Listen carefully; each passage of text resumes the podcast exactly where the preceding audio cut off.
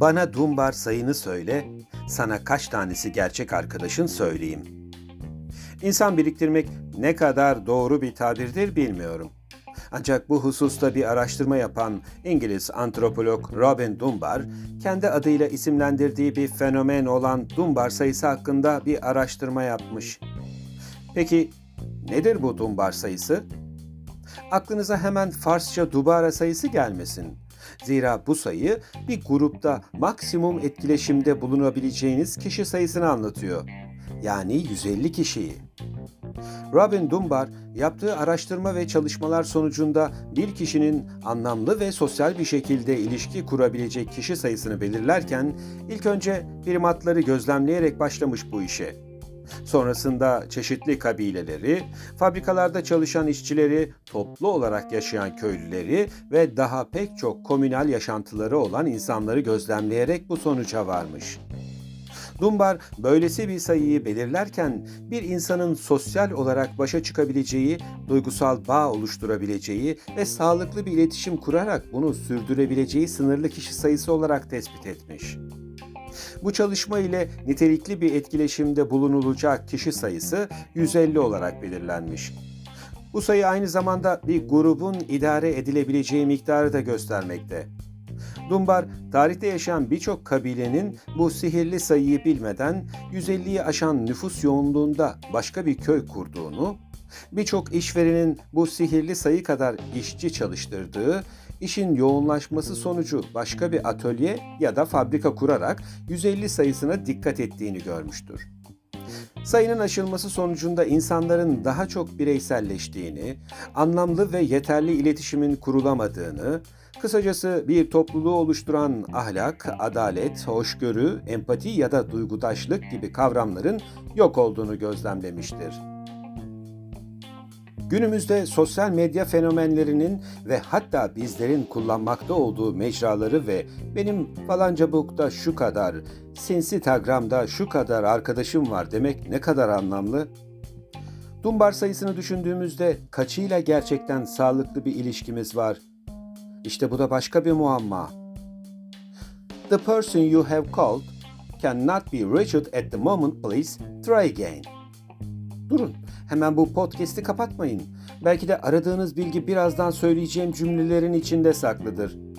19. yüzyılın son çeyreğinde icat edilmiş bir alet olan Graham Bell'in telefonu ondan yaklaşık iki çeyrek yüzyıl daha önce uzakları yakın eden Samuel Morse'un telgrafından sonra müthiş bir buluş olmalı öyle değil mi? Önce posta güverciniyle başlayan, sonra telgraf ve telefona evrilen iletişim modellerimiz bugün görüntüleri de aktararak sevdiklerimizin adeta yanı başımızda oturduğu hissini vermekte. Peki Dunbar sayısı ile ne ilgisi var bu söylediklerimin? Gelin isterseniz bu konuyu biraz daha güncel örneklerle genişletmeye çalışalım. Hani biraz önce size İngilizce bir cümle söylemiştim. Yani aradığınız kişiye şu an ulaşılamıyor. Mobil telefonu kapalı ya da kapsama alanı dışında. Lütfen daha sonra tekrar döneyiniz diyerek Türkçeleştirdiğimiz meşhur ulaşamadığında dinlediğimiz mobil telefon kalıbı var ya. İşte orada geçen kapsama kelimesi bizi Dunbar sayısına bağlayabilir. Bu teoriye göre en dar çevremizde sadece 5 kişi vardır ki bu kişiler en sevdiklerimiz.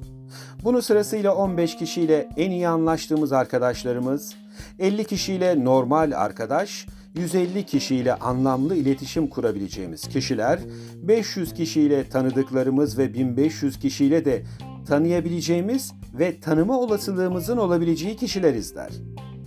İngiliz antropolog Robin Dunbar hayatımıza giren 150 kişiden fazlasının kapsama alanımız dışında kaldığını ve anlamlı ilişkiler kurmamızı güçleştirdiğini iddia eder.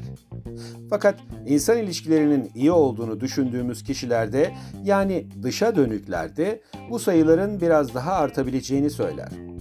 Haliyle içe dönüklerde de bu etkileşim sıklığı daha az olacağı için azalıyordur muhtemelen. Anlamlı ilişkiler kurabilmenin en önemli kriteri karşımızda iletişim kurduğumuz kişinin bilebileceğimiz kadar kişiliğini ve bu kişiliğe dair algı ve tutumlarını en kapsamlı haliyle bilmemizde saklıdır.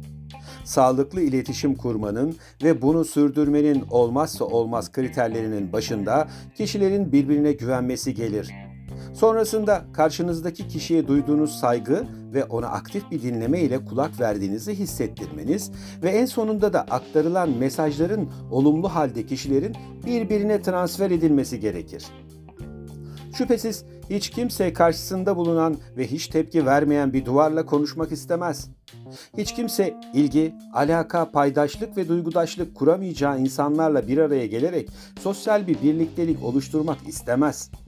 İşte kapsama alanı diye ifade ettiğim durum bize bir şekilde bir anlam ifade eden, gerek düşünsel, gerek fiziksel, gerekse duygusal tatmin sağlayan ve bu tatminin karşılıklı olduğunu hissettiğimiz kişilerle aramızda kurduğumuz bağın ne kadar güçlü veya zayıf olduğunu anlatan bir tabirdir.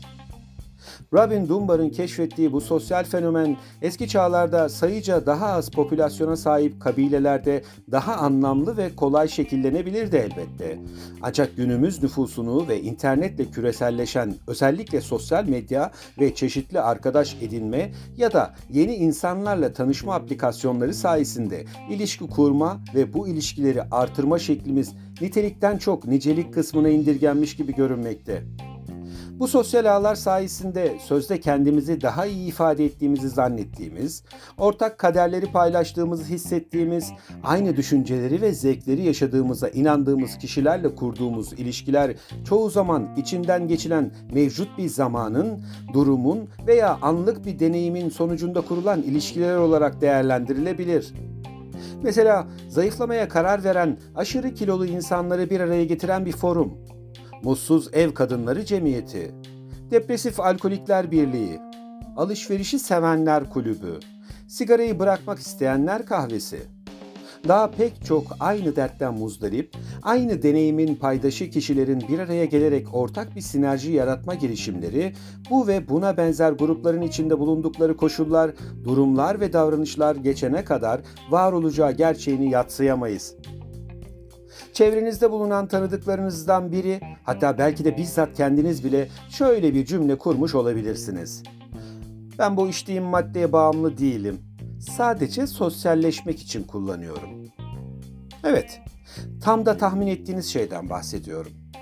İçki ya da sigara kullanıcılarının bir kısmı içme eylemlerinin daha meşru görünmesi ve aynı tip davranışları gösteren kişilerle daha sık görüşebilmek için böylesi bir bahanenin arkasına saklanabilirler.